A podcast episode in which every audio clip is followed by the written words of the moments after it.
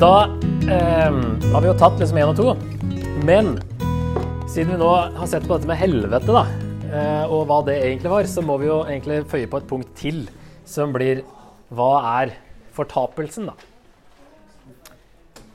Fordi helvete er ikke alt Bibelen tydeligvis eh, snakker om. Den har mange andre ord, og vi har nok våre assosiasjoner til det.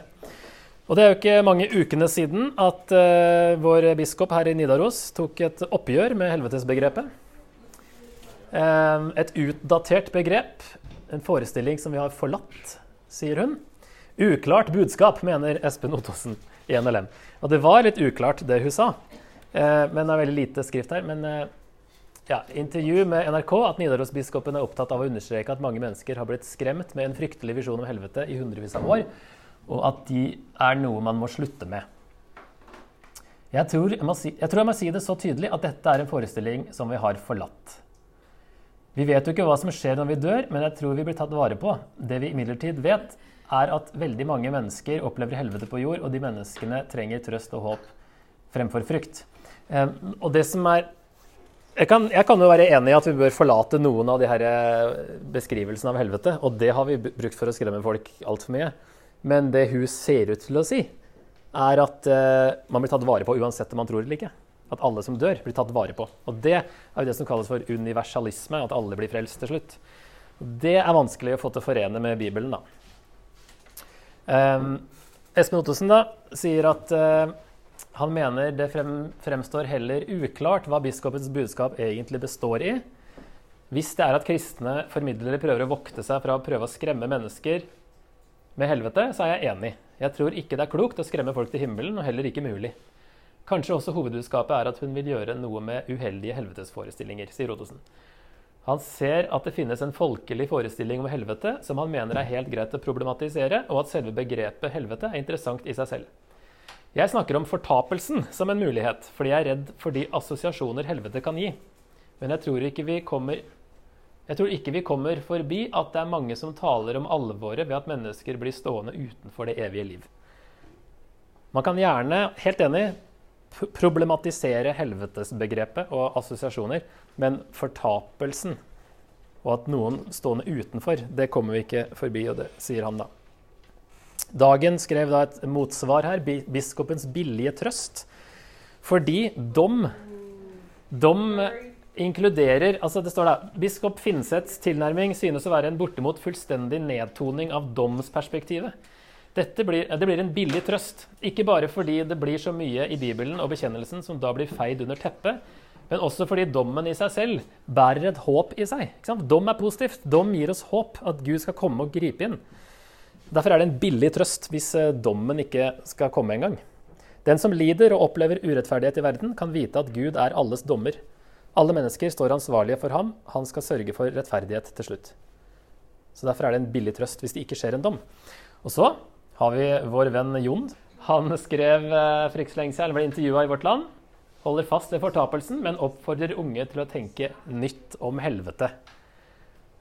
Menigheter må snakke mer om at Gud straffer, mener Jon Romul Hoversen i laget. Nå utfordrer han unge til å se på alternativer til hva helvete er. Så hvis vi skal koke det ned til tre syn på fortapelsen, så er det da evig pine, evig adskillelse, som vi kan kalle en metaforisk versjon av evig pine. Men evig er felles. At man lever evig, men er adskilt fra Gud. Eh, noen da vil si at det trenger ikke bety I hvert fall ikke de her middelalderforestillingene med ild og tortur.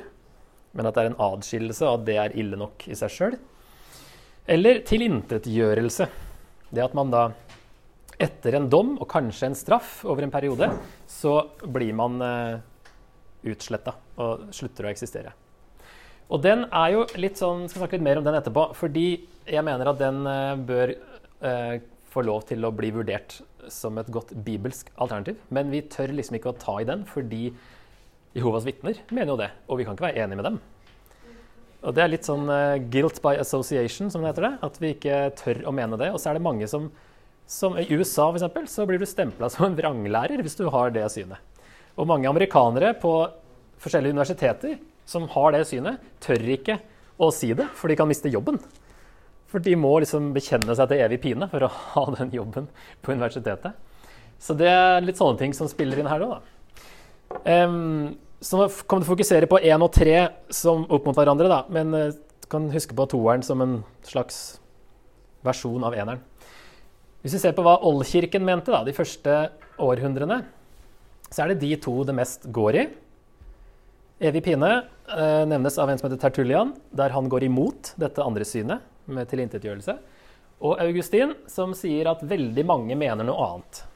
Så tydeligvis mange eh, tolkninger allerede på 100-300-tallet. Men Tertullian og Augustin ville da være, mene det er evig pine. Um, så går vi til tilintetgjørelse, så er det en som heter Ignatius og Ireneus. Muligens også Clemens av Roma. Barnabas-brevet og Athanasius. Det er ting som kanskje ikke er kjent for alle. Men ofte brukes kun de bibelske uttrykkene uten forklaring. Så det er ikke alltid disse kirkefedrene tolker det med egne ord. De bare siterer, og så vet vi egentlig ikke hva de mente. Men vi finner i hvert fall støtte for det, da, begge to, i Ålkirken. Og det er interessant. Begge syn har altså røtter tilbake til Ålkirken. Og det er ulike syn fra 100-tallet til 300-tallet. Og så er det jo da med Augustin, som hadde stor innflytelse, i hvert fall i Vestkirken, i katolsk teologi, som 300-400-tallet, så er det jo etter han det har liksom eh, blitt beseila, nærmest, at evig pine er det vi skal mene. Um, enkelte kristne skrifter beskrev fortapelsen på en grusom måte. Altså det er kristne skrifter skrevet av kristne utenfor altså det som ikke er med i Bibelen, da. men man skrev jo ting hele veien. og der ble det mer og mer sånn der, Man bare tok av på beskrivelsene av hva det ville være å være, gå fortapt. Og så har vi den guddommelige komedie av Dante fra 1320. Fyrte opp under disse spekulasjonene. Det er jo der vi har veldig mye av det her tortur og djevel og Jeg vet ikke om det er sånn djevel med høygaffel og sånt der, men eh, masse ild i hvert fall der, da. Evig pine var det dominerende synet fra Augustin til reformasjonen, da spesielt Luther og Calvin advarte mot å spekulere i dette. Så vet vi litt om historien, at det er i hvert fall historisk så har man også ment at uh, det at man kan At dette med evig At man er bevisst for evig, da. At det var ikke alle som mente det i starten heller. Så det tenker jeg er nyttig å snakke litt om og gi dere noen um, argumenter for at fortapelsen kan være tilintetgjørelse. Det er en nettside som heter rethinkinghell.com, som da tar for seg bare dette her. og de har også en podkast med vet ikke hvor mange episoder om uh, dette her. Så hvis dere er interessert, så er det bare å gå til den sida eller finne dem på podkast. De kaller det da conditionalism, eller conditional immortality. At vi er ikke udødelige i oss sjøl, men vi får udødelighet hvis vi tror. Conditional immortality. Altså immortality på en betingelse. At du må tro for å få det. Men det er en straff, da, eh, mener man, men uvisst hvor lenge man blir straffa for det man har gjort, si, men at den ikke varer evig. Noen vil kalle det for 'terminal punishment' i stedet. Eh, ikke eternal punishment, men terminal punishment. Altså en punishment som er for alltid, men ikke pågår for alltid.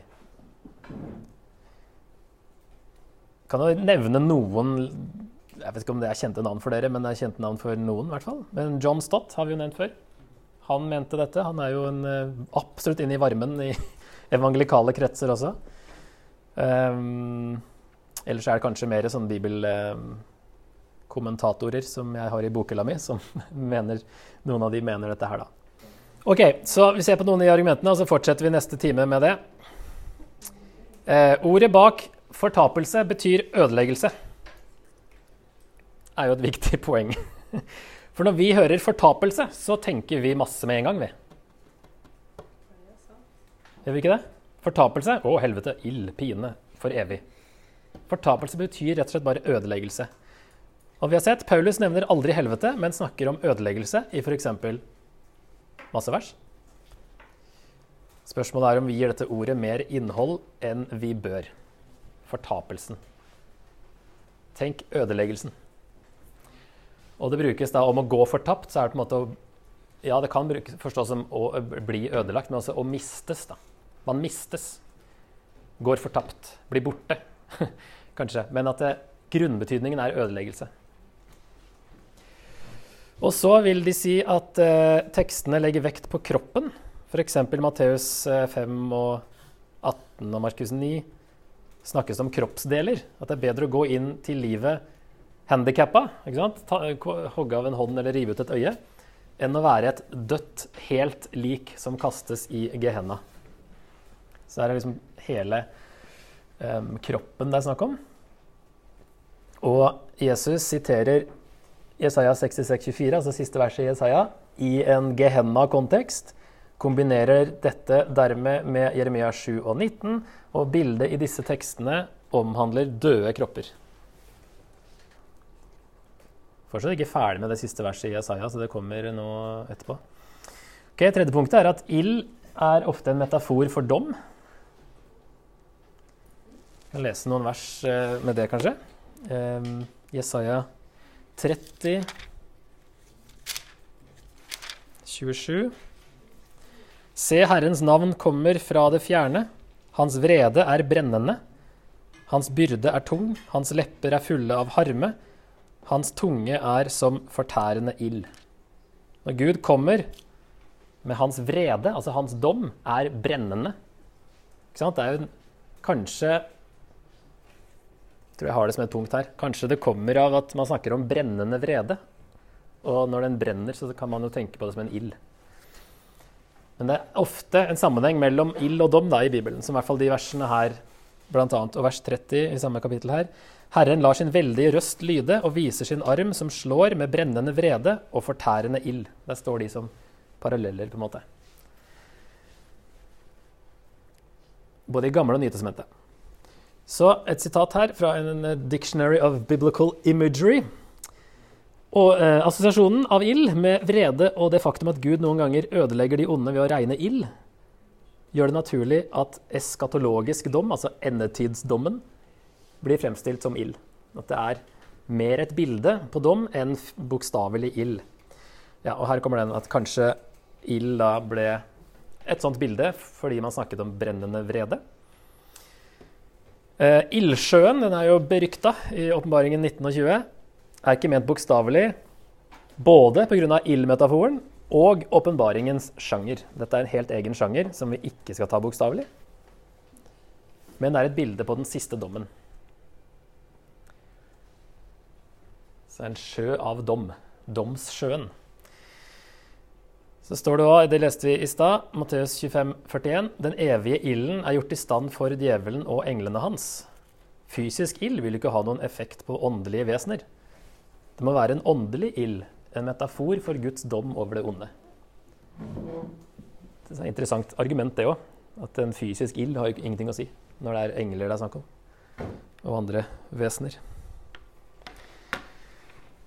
OK, det var punkt tre.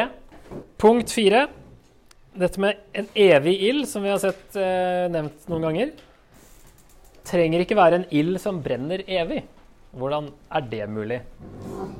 Høres ut som en bortforklaring. Men hvis man ser på hvordan eh, ordet 'evig' brukes da, i Bibelen om andre ting som er evig F.eks. Judas 1,7 så står det på samme måte var det med Sodoma og Gomorra og nabobyene deres hvor de levde i hor, slik som disse englene, og i unaturlige lyster. De ble straffet med evig ild og er blitt et advarende eksempel. Det er jo ikke noe evig ild som brenner Altså, det er jo fysisk ild som kom over Sodoma og Gomorra, men den er ikke evig med at den fortsatt brenner. Og så står det i verset før også at eh, de englene som ikke tok vare på sitt høye verv, men forlot sin egen bolig, dem holder han bundet i mørket med evige lenker til dommen på den store dagen. Så de er jo ikke evige da, hvis de er bare fram til dommen på den store dagen. Uh, Jesaja 34 sier at elvene skal bli til bek og støvet til svovel. Landet blir til brennende bek. Verken dag eller natt skal det slukne. Evig skal røyken stige. Fra slekt til slekt skal det ligge øde, evig og aldri skal noen krysse det. Dette er om dommen over Edom da, i Jesaja 34. Der det også er en dag eller Verken dag eller natt skal det slukne, evig skal røyken stige, men det er jo ikke noen røyk nå sant, over dette her. Ingen av delene. Her kommer det siste verset i Jesaja en gang til. Vi er som sagt ikke helt ferdig med det. De skal gå ut og se likene av de menneskene som gjorde opprør mot meg. For dem skal marken ikke dø, og ilden ikke slukne. Så her, hvis han bruker det her som at det er en evig ild, så må man jo se på hva hele verset sier. Altså er, de er jo allerede døde, men ilden slukner aldri. Den brenner til alt som skal brennes opp, er brent opp. Ilden er evig fordi den har sitt opphav i den evige Gud, som selv er en fortærende ild, ifølge hebreerne 12.29. Så det kan man si, at det kommer fra en evig Gud, derfor er det en evig ild. Men, eller at den har Kanskje, ja, vi kommer i hvert fall inn på det nå i denne i neste punkt, med evig straff. At eh, det eh, kan være at den er endelig. Eh, det betyr ikke at den brenner for alltid, men at den, eh, si, resultatet av den ilden er evig, selv om ilden sjøl ikke er det. I hvert fall er det bibelske eksempler da, på at evig ild ikke brenner for evig. Og i Isaiah 66, 24 så er det da selv om ilden ikke slukner i det bildet der, da, så er det jo ikke noen mennesker som er levende i den ilden som aldri slukner. De er jo allerede døde i det bildet. Det er litt sånn rart å snakke så casual om dette her, men eh, sånn av og til blir det sånn. Ok, og da Hvis vi går fra dette konseptet til punkt fem, så er argumentet at evig straff betyr ikke evig pine. Selv om det står i Matteus 25, 46, disse skal gå bort til evig straff, men de rettferdige til evig liv. Setter de opp mot hverandre? Evig straff, evig liv. Men rent grammatisk så er jo straff et substantiv, ikke et verb. Det står ikke 'evig straffing' eller 'evig avstraffelse', som at man skal bli straffa for evighet. Men det er en straff som er evig. En evig straff, men betyr ikke at man nødvendigvis er bevisst og blir straffa for all evighet. På samme måte som at evig frelse, som det står i Hebreerne 5.9 Det står ikke evig frelsing. Og evig forløsning Hebreerne 9,12, så er evig straff en engangshendelse med evige konsekvenser. Det er straffen som er evig. Det er ikke straffingen. Hvis man kan snakke om evig frelse og evig forløsning som en engangshendelse, men konsekvensen er evig. Straffen skjer én gang, men konsekvensen er evig. Som i 2. Tessaloniker 1,9. Kanskje jeg skal lese det? Straffen deres blir en evig fortapelse borte fra Herrens ansikt og fra Hans herlighet og makt. En evig fortapelse, en evig ødeleggelse.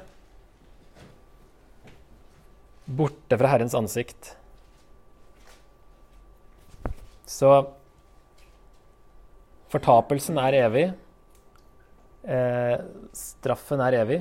Men det sies jo ikke her nødvendigvis at man er bevisst hele veien. Og det kommer vi til nå siste punktet. fordi ganske avgjørende punkt, egentlig, så vil da man påstå at sjelen er ikke udødelig. Derfor conditional immortality. Og Vi snakker ofte om at er, vi er skapt til å leve evig, men det er ikke det samme som at vi er skapt med en udødelig sjel. Guds hensikt er at vi skulle leve evig. Men det betyr ikke at vi er udødelige i oss sjøl. Skjønner dere forskjellen? Skapt til å leve evig fra Guds hensikt, men så har synden kommet og ødelagt, fått inn døden, som gjør at vi dør.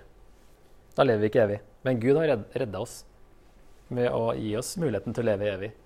Så det er hans hensikt egentlig er. Men vi tenker ofte at det betyr udødelig sjel. Eh, og det har det kommet en del fra gresk eh, filosofi inn der også. Platon var jo den store da med, med dette her. Eh, Matteus 13, 40, så snakker Jesus om den lignelsen med ugresset og hveten, der ugresset samles og brennes opp. Og Der er jo bildet at ugresset brennes opp fullstendig. Det blir brent opp. Bruker ild som, en, som bilde på dommen der, da. Så det brennes opp og er ferdig. Bibelens advarsel er død. Ildsjøen er den annen død, står det. Syndens lønn er døden, sier Paulus og en sjel kan reddes fra døden, sier Jakob. Spørsmålet blir da egentlig her Er død ment fysisk, som tilintetgjørelse, eller er det ment åndelig, som adskillelse? Er det en åndelig død, som vi da fortsatt kan leve evig, men være åndelig døde? Det vil jo gi mening å snakke litt sånn nå. Paulus sier jo at vi var jo døde i våre gjerninger, og så kom Gud og redda oss. Eller er det fysisk død? Og det går helt tilbake til første Mosebok, egentlig. Den dagen du spiser av det, skal du dø. Betyr det at ja, de kunne ikke spise av livets tre lenger, derfor begynte de å dø, og døde til slutt? De døde jo ikke den dagen, men de begynte å dø.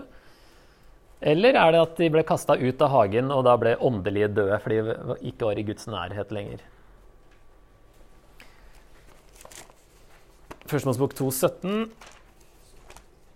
Av treet til kunnskap om godt og ondt må du ikke spise, for den dagen du spiser av det, skal du dø. Den dagen du spiser av det, skal du dø. Og så er det da hvordan tolker man det som skjedde den dagen de spiste av det? Ut av hagen, åndelig eller fysisk. Det går egentlig helt tilbake dit. Og så settes jo død opp mot evig liv. Spesielt da Johannes 5,24 her og noen tekster i Romerne 6 og 2. Timoteus og 1. Johannes. Evig liv. Så vil man da måtte si at hvis man lever evig selv om man går fortapt, så er det et annet, det, er, det er ikke et egentlig liv. Men det er litt, en litt rar kontrast da, å si at alle lever evig uansett. Men evig liv det er bare den positive måten. Og så lever man videre som død også. Det blir litt rart i denne konteksten, da. Og så ikke minst så sier 1. Timoteus 6,16 at det er bare Gud som har udødelighet. Og han gir det til den som tror. Så de versene kan vi lese. Det er viktig. Ikke, der står det jo rett ut at bare Gud har udødelighet. Vi er ikke udødelige i oss sjøl. 1. Timoteus 6, 16. Den eneste som er udødelig. Altså fra vers 15, da. Det skal han la oss oppleve når tiden er inne. Han, den salige og eneste hersker, kongenes konge og herrenes herre. Det er Gud han snakker om her, da. Den eneste som er udødelig, som bor i et lys dit ingen kan komme, han som intet menneske har sett og ingen kan se. Den eneste som er udødelig.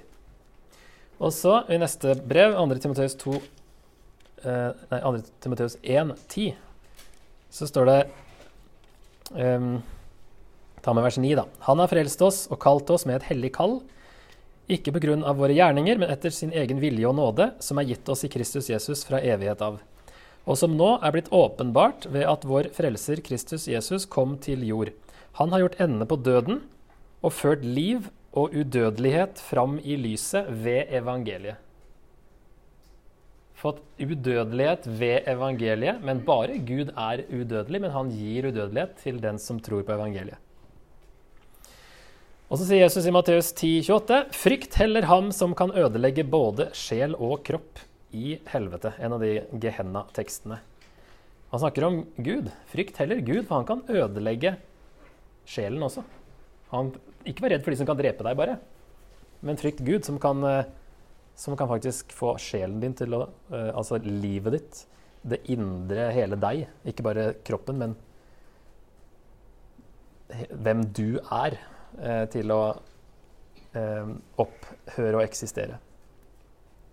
Men som sagt så er jo jeg eh, syns det er nyttig å vite om det, at det er eh, mulig å konkludere sånn òg fra de bibelske tekstene. Nå må dere sjøl finne ut hva dere syns om de argumentene. Men eh, at det er et alternativ, da. Som gir mening, og som kanskje gir litt mindre mening på noen bibelvers. Og så det, gir det masse mening på vers der evig pine ikke gir så mye mening, osv. F.eks. hvor skal denne evige pinen eh, foregå? Hvis en nyskapt jord osv der alt skal være bra, hvor er da liksom helvete? Og hva er poenget med å holde, holde folk i live hele evigheten sånn sett? Det er ja, sånne ting som kan bli litt vanskelig å forsvare. Og det her, Atheist Community, påstår at uh, 'remove hell, then you won't find anyone in any church'. Håper inderlig det ikke er sant, at det er det som holder oss i kirka at vi er redd for helvete. Frykt for helvete er den dårligste motivasjonen for å være kristen. er min påstand. Jeg tror de tar grundig feil. Men det har sikkert opp gjennom historien har det vært tilfelle med det, og det er sikkert tilfelle av det fortsatt. Men uh, å gå gjennom livet og være kristen fordi du er livredd for helvete, høres veldig slitsomt ut. Uansett, da, så syns jeg det er en, Når vi skal drive evangelisering, så er det eh, absolutt ikke det vi skal gå ut og, og snakke om. Og beskrive et grusomt helvete for å få folk til å bli kristne. Og det sier heller ikke Bibelen vi skal gjøre. Litt bedre, men likevel litt feil. Og motivasjonen er å komme til himmelen for å ha det flott i all evighet og møte døde slektninger igjen. Er ikke det ofte vi tenker, da? Vi skal til himmelen og ha det kjempefint. Der skal jeg møte bestemor. Og så bare Ja, Jesus, du er her òg, ja. Stemmer det. Jeg har nesten glemt det. At jeg uh, kan møte deg òg, liksom. Beste motivasjonen, og den som gir mest næring til troen, er Og det her er et bilde som heter 'First Day in Heaven'. Eh, egyptisk eh, kunstner Kerolos Safwat. 'First Day in Heaven'. Og jeg syns det er så bra. Bare se for deg 'First Day in Heaven', og så hva dere liksom har tenkt det skal se ut som. Men eh, jeg syns han beskriver det så utrolig bra med dette her. Og um, Første gang jeg så det, så var det ei som uh, ei jeg kjente eller hadde møtt uh, en gang, uh, som hadde vært gift i to år da mannen hennes plutselig døde. På vei hjem fra, eller etter å ha vært i kirka en søndag, så plutselig var døden. Etter to år. Um, og så la hun ut det bildet her, 'First Day in Heaven', og så ligner hun egentlig på hun jenta der. Og jeg tenkte da umiddelbart at eh, det hun gleda seg til, var å møte mannen sin. Og så er det Jesus. Så for meg så ble det enda sterkere bare i lys av historien hennes. Da. Så for å oppsummere Det egentlige målet er ikke å unngå helvete eller å komme til himmelen, men å være sammen med Gud på en nyskapt jord da Guds rike og jorden overlapper fullstendig, og Gud igjen bor blant menneskene, som han gjorde i Første Mosebok 1 og 2. Gammel sang av Børud-gjengen, som eh, Jeg vet ikke om eh, dere har hørt den, men eh, himmelen for meg, det er Jesus. Der er det mye bra teologi i den sangen der. Evigheten er der han er. Det er det som bør være fokus. Ta med noen vers fra åpenbaringen her. Jeg så en ny himmel og en ny jord, for den første himmelen og den første jord var borte, og havet fantes ikke mer. Og jeg så den hellige byen, den nye Jerusalem, stige ned fra himmelen, fra Gud, gjort i stand og pyntet som en brud for sin brudgom.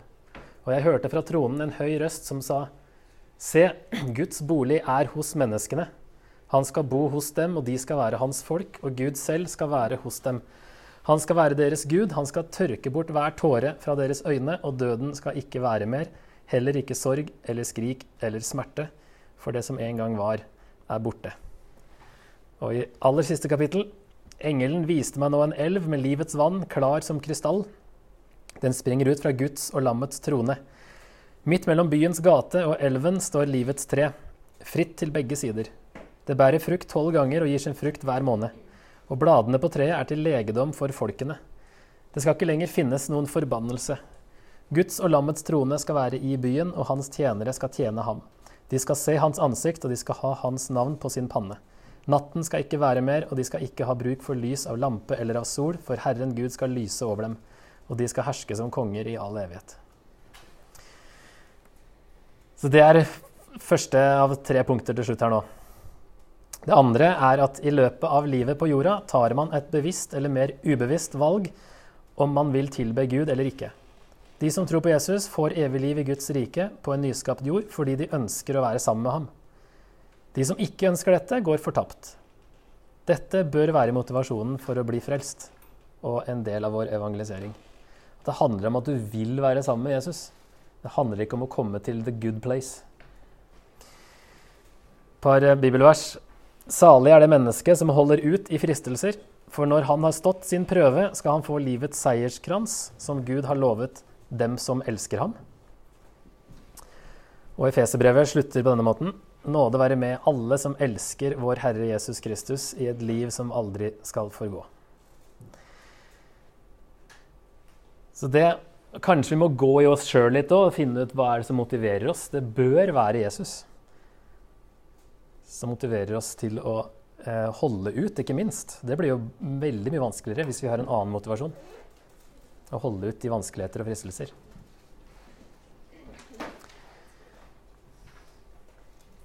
Tredje punkt.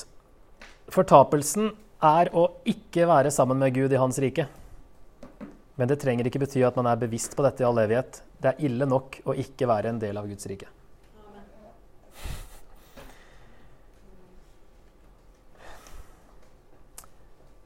Um, par quotes helt til slutt her.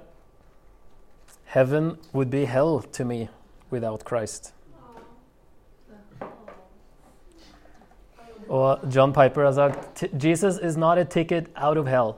Jesus is not a ticket into heaven. Jesus is not a ticket. Jesus is a treasure. Nei, men Det er så viktig å huske på det i dette temaet her.